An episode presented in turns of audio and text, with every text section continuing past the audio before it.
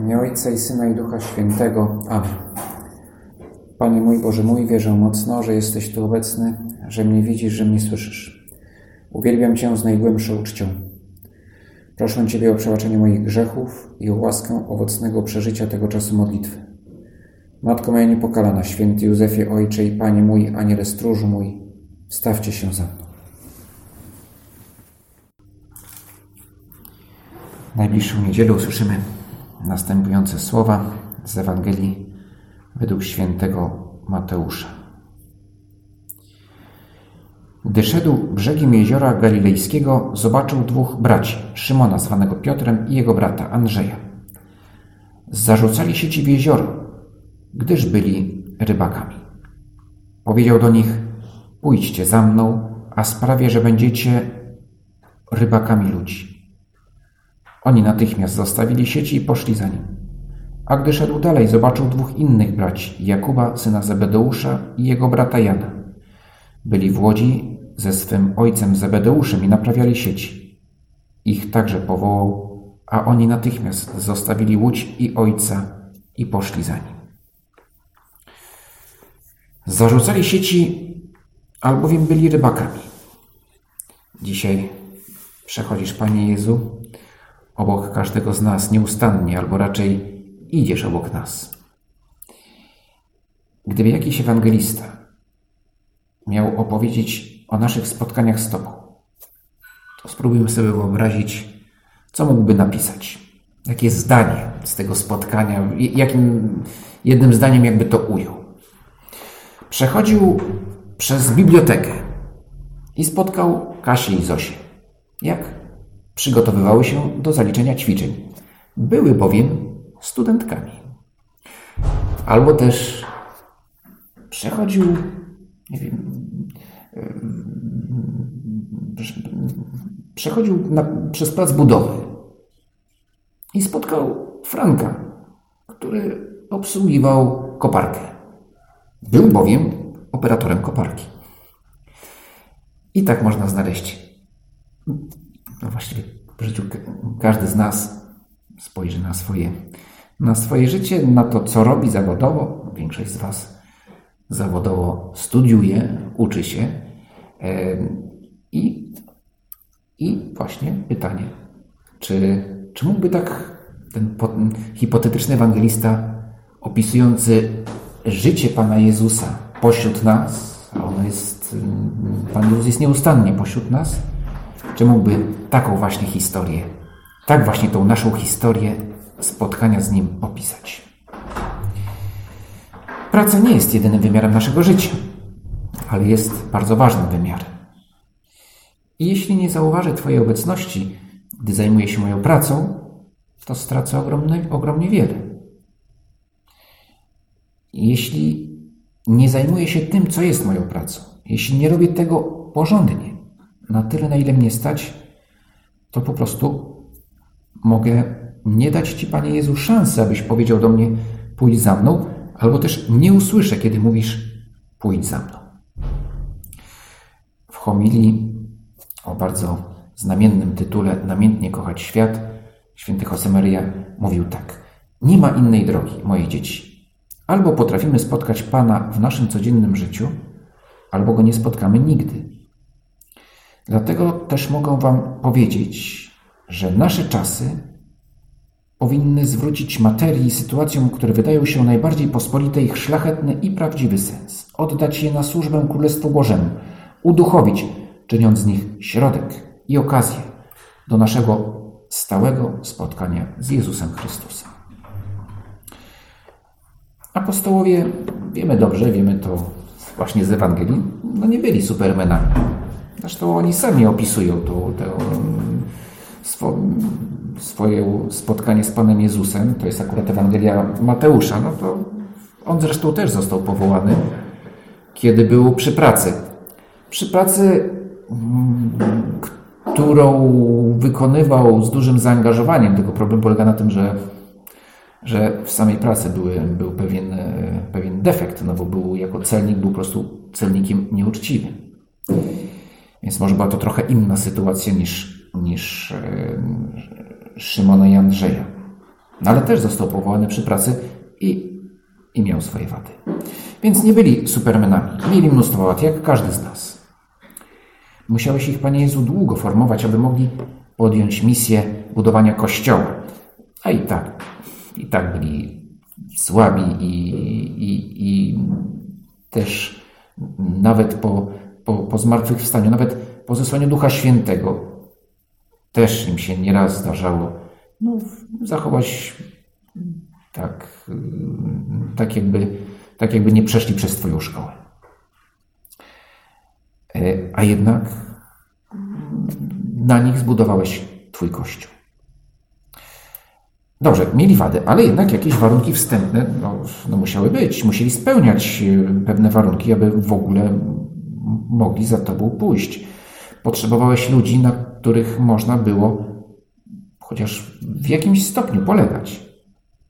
Pewnie najważniejsze to było zaufanie, którym Cię obdarzyli. Rzeczywiście je mieli, bo, bo oczekiwali Mesjasza i uwierzyli, że jesteś Mesjaszem. No ale też jakieś minimum dojrzałości było potrzebne. No, Pan Jezus owszem wzywa celnika Mateusza, który pracuje dużym zaangażowaniem, choć nie jest tej pracy uczciwy. Ale no, wydaje się, że żaden z apostołów y, to nie został powołany w sytuacji na przykład, kiedy siedział w bramie i pił wino. Y, żeby było jasne, to jest biblijny obraz. Siedząc, stoją w bramie i piją wino. To są ci, którzy i szydzą ze mnie którzy, ci, którzy stoją w bramie i piją wino. Więc problem pijących wino w bramie nie, nie jest problemem nowym, jest, jest problemem wręcz biblijnym. No, żaden z apostołów nie został powołany w takiej sytuacji. No, jakieś minimum dojrzałości Pan Jezus oczekiwał. Więc także, także i, i my, no, wzywasz nas, jeśli traktujemy swoją pracę, swoje obowiązki nie tylko pracy, te wynikające z pracy, może szczególnie obowiązki wynikające z życia rodzinnego, czy też z przyjaźni, czy innych obowiązków, czy innych relacji społecznych. To od razu może się pojawić pytanie, ale zaraz, czy to znaczy, czy to by oznaczało, że, że nie wzywasz tych, którzy źle pracują, lekceważają swoje obowiązki? No oczywiście, Panie Jezu, wzywasz wszystkich, to wszystkich bandytów, złodziei, cudzołożników, wszystkich wzywasz. Wszystkich chcesz zbawić. Tylko, że w takich sytuacjach e, no, patologicznych, głęboko patologicznych, no to pójdź za mną oznacza na pierwszym miejscu wezwanie do radykalnego nawrócenia, aby w ogóle móc zacząć. I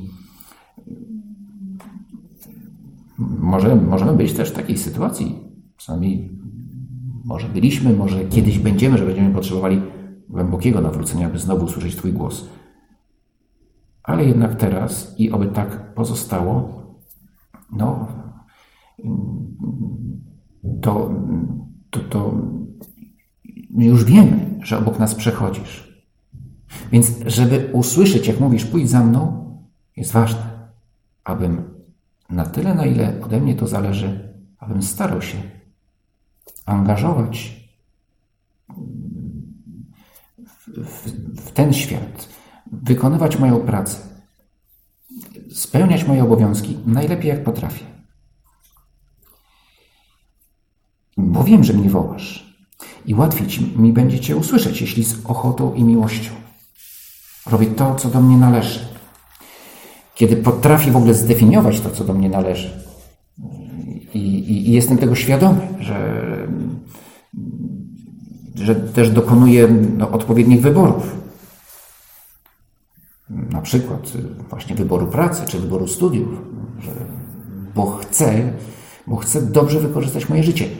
Czy wreszcie tych wy, wyborów życiowych związanych no, z najważniejszych no, z, z powołaniem.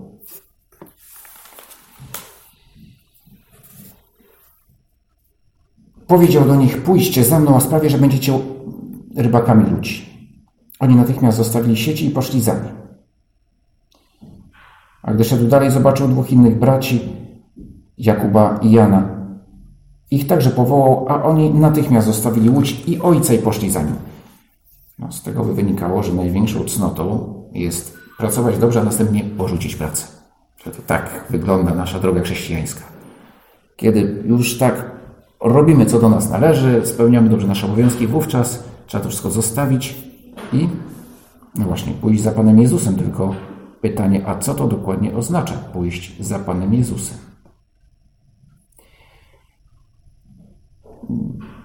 W ich przypadku oznaczało zostać apostołami, znaczy wypełnić konkretną, bardzo jasno zdefiniowaną przez Pana Jezusa misję. Ale nawet tutaj, jakiej metafory Pan Jezus używa? Mówię, uczynię was rybakami ludzi. Apostołowie nie byli poetami. Może Jan miał jakieś takie poetyckie skłonności, potem je rozwinął i napisał piękną Ewangelię, ale generalnie to nie byli poeci, więc tak łatwo może nie chwytali metafor, ale z drugiej strony żyli w kulturze semickiej, która, której bardzo chętnie sięgano po metafory nawet w codziennym życiu. Więc prawdopodobnie mniej więcej zrozumieli, o co chodzi w tym, w tym, w tym symbolu rybaków ludzi. Mamy zdobywać ludzi dla Pana Boga. Zdobywać ich serca, aby pokochali Boga. Może początkowo bardziej to rozumieli jako łowić ludzi, to znaczy werbować do, do, do Królestwa Bożego. Trochę na zasadzie werbunku do, do armii. Ale, ale na pewno z czasem chwytali, że to chodzi o coś o wiele głębszego. Bo nie można pokochać Boga pod wpływem manipulacji. To musi być miłość autentyczna, w związku z tym, w związku z tym to, to łowienie to jest tak naprawdę, łowienie ludzi oznacza, że pokazuje ludziom, gdzie naprawdę warto iść, kogo naprawdę warto pokochać, a potem każdy odpowiada już stosownie do tego, co chce. E, ale właśnie Pan Jezus używa tutaj porównania związanego z codzienną pracą, z codziennymi zajęciami mm, tych przyszłych apostołów. Tak jakby mówił: Dam wam nową pracę, ale chcę, żebyście się w nią zaangażowali tak jak teraz angażujecie się w te, się w te wasze sieci. Że bardzo dobrze, że jesteście dobrymi rybakami. Oto teraz wam proponuję nowe zajęcie ale w którym ta wasza cnota, pracowitości, ta wasza umiejętność ciężkiej pracy, pracy cierpliwej, wytrwałej będzie bardzo potrzebna. O ile wiem, absolwenci trudnych i wymagających kierunków, jak matematyka czy fizyka, jeśli są dobrzy, jeżeli mają dobre wyniki, nie mają trudności ze znalezieniem pracy choć niekoniecznie pracy jako matematycy lub fizycy. Że jest ceniona sama umiejętność myślenia i przyzwyczajenie do wysiłku umysłowego.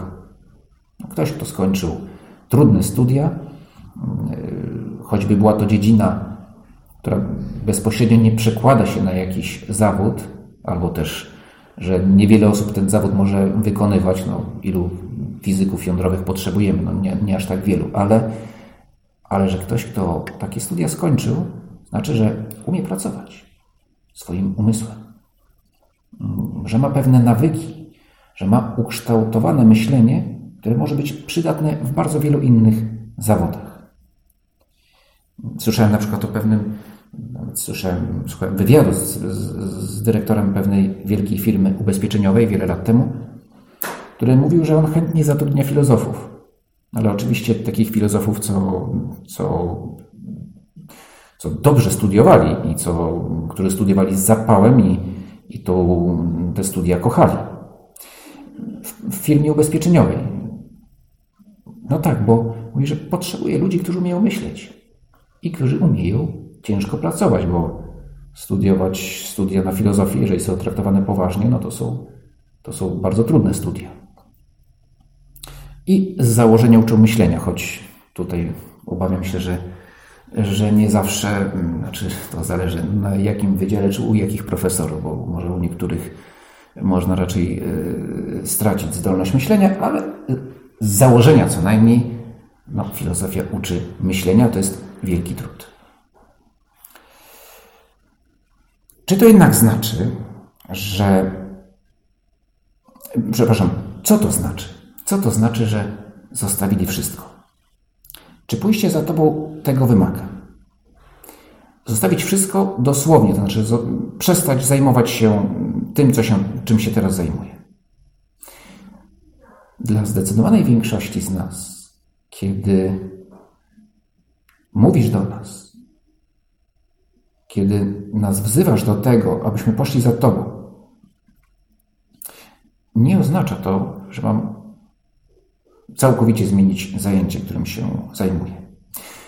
Bywa, i to jest to powołanie szczególne, że tak, że, to że, że, że zmiana jest rewolucyjna w moim życiu, jeśli chodzi o to, co robię.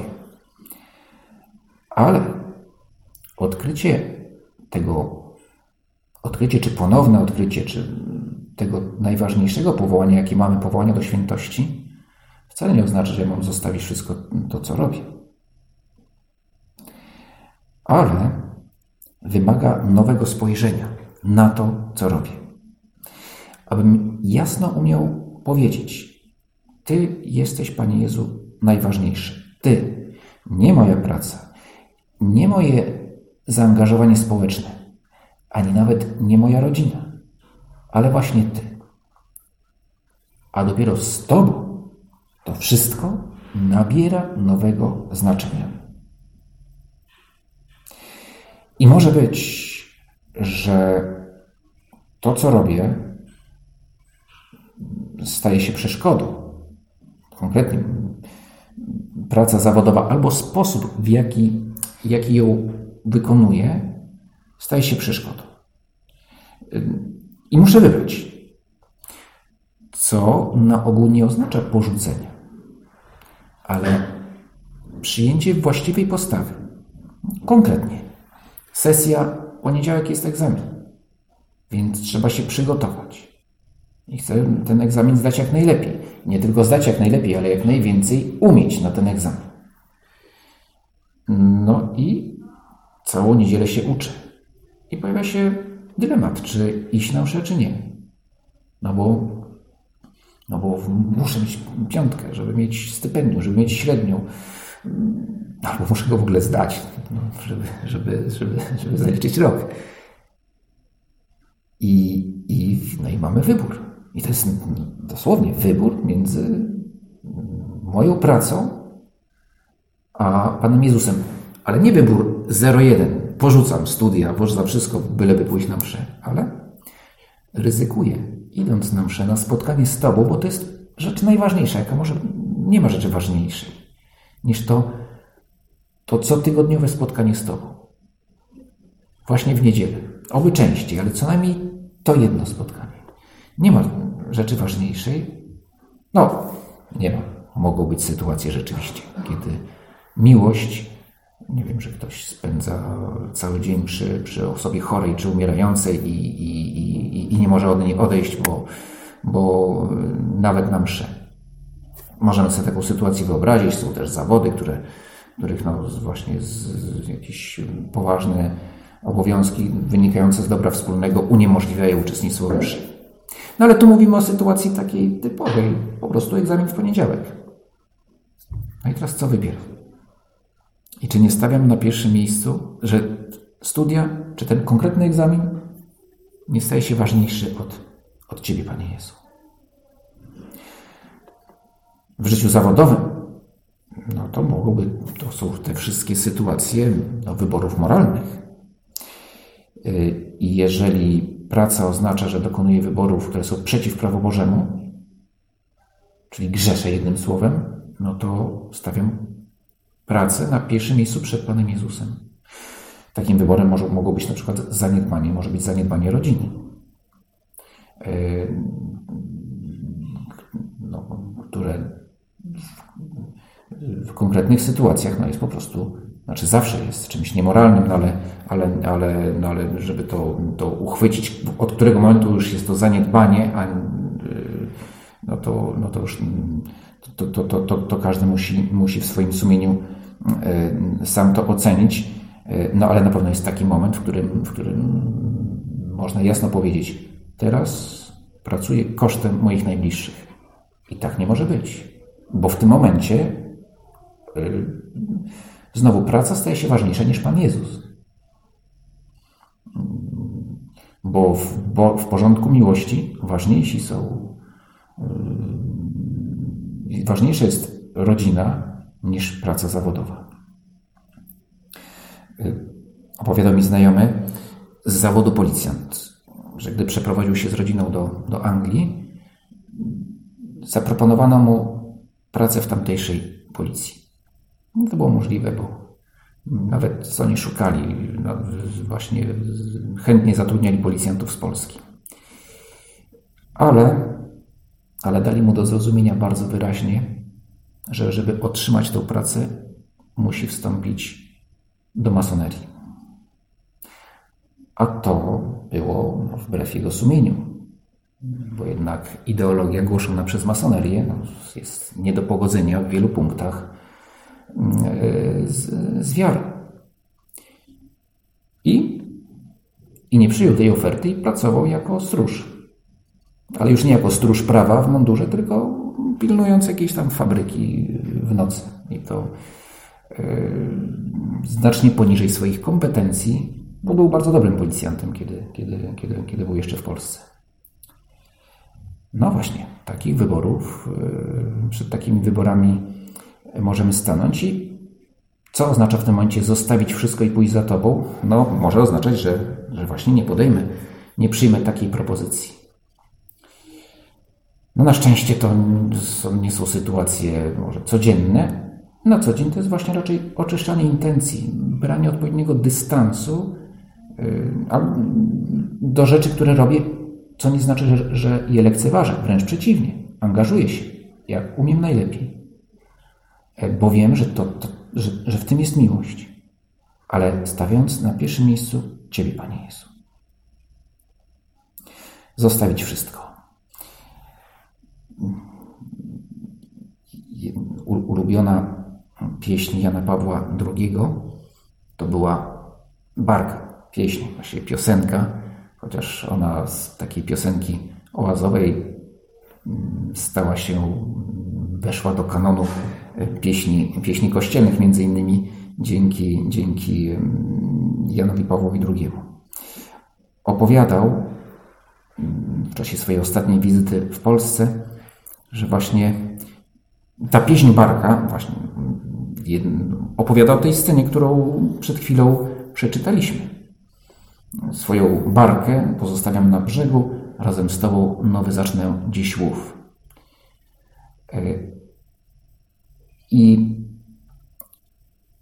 i opowiadał święty, święty Jan Paweł II, że właśnie miał te słowa, tej piosenki miał w uszach, kiedy, jak to określił, usłyszał wyrok konklawy.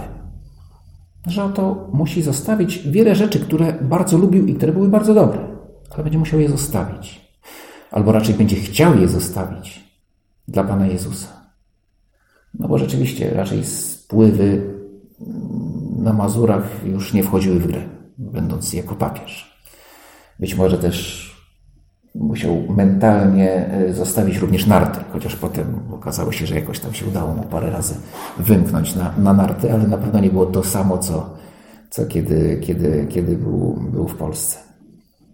No dobrze, to są rzeczy dobry, no, musiał zostawić, nie wiem, wykłady dla, dla studentów. Wiele rzeczy, które lubił, musiał zostawić. Ale mm, rzeczy dobrych. No ale, no ale oto mm, usłyszał wyraźnie głos Boga, który mówił: Zostaw to, bo teraz e, da, daję ci nową misję. Ale żeby ją wypełnić, to, to, to łódź trzeba zostawić na brzegu. Dzisiaj w Opus Dei świętujemy rocznicę wyboru księdza Fernando Caris na prałat. Jest to takie święto, można powiedzieć, rodzinne, dla nas, dla nas ważne. Y, dwa lata temu, y, nie, to już nie, trzy lata temu został, został wybrany, żeby kierować tą instytucją, jaką jest Opus Dei, co również oznaczało dla niego zostawienie wielu rzeczy, które, które lubił, a co najmniej ich ograniczenie, które lubił i których był dobry. Był, jest wybitnym teologiem, pracował w kongregacji nauki wiary, jest autorem wielu, wielu bardzo dobrych prac z zakresu filozofii i teologii. Koniec już. Na to nie ma czasu, musi się zajmować czymś innym.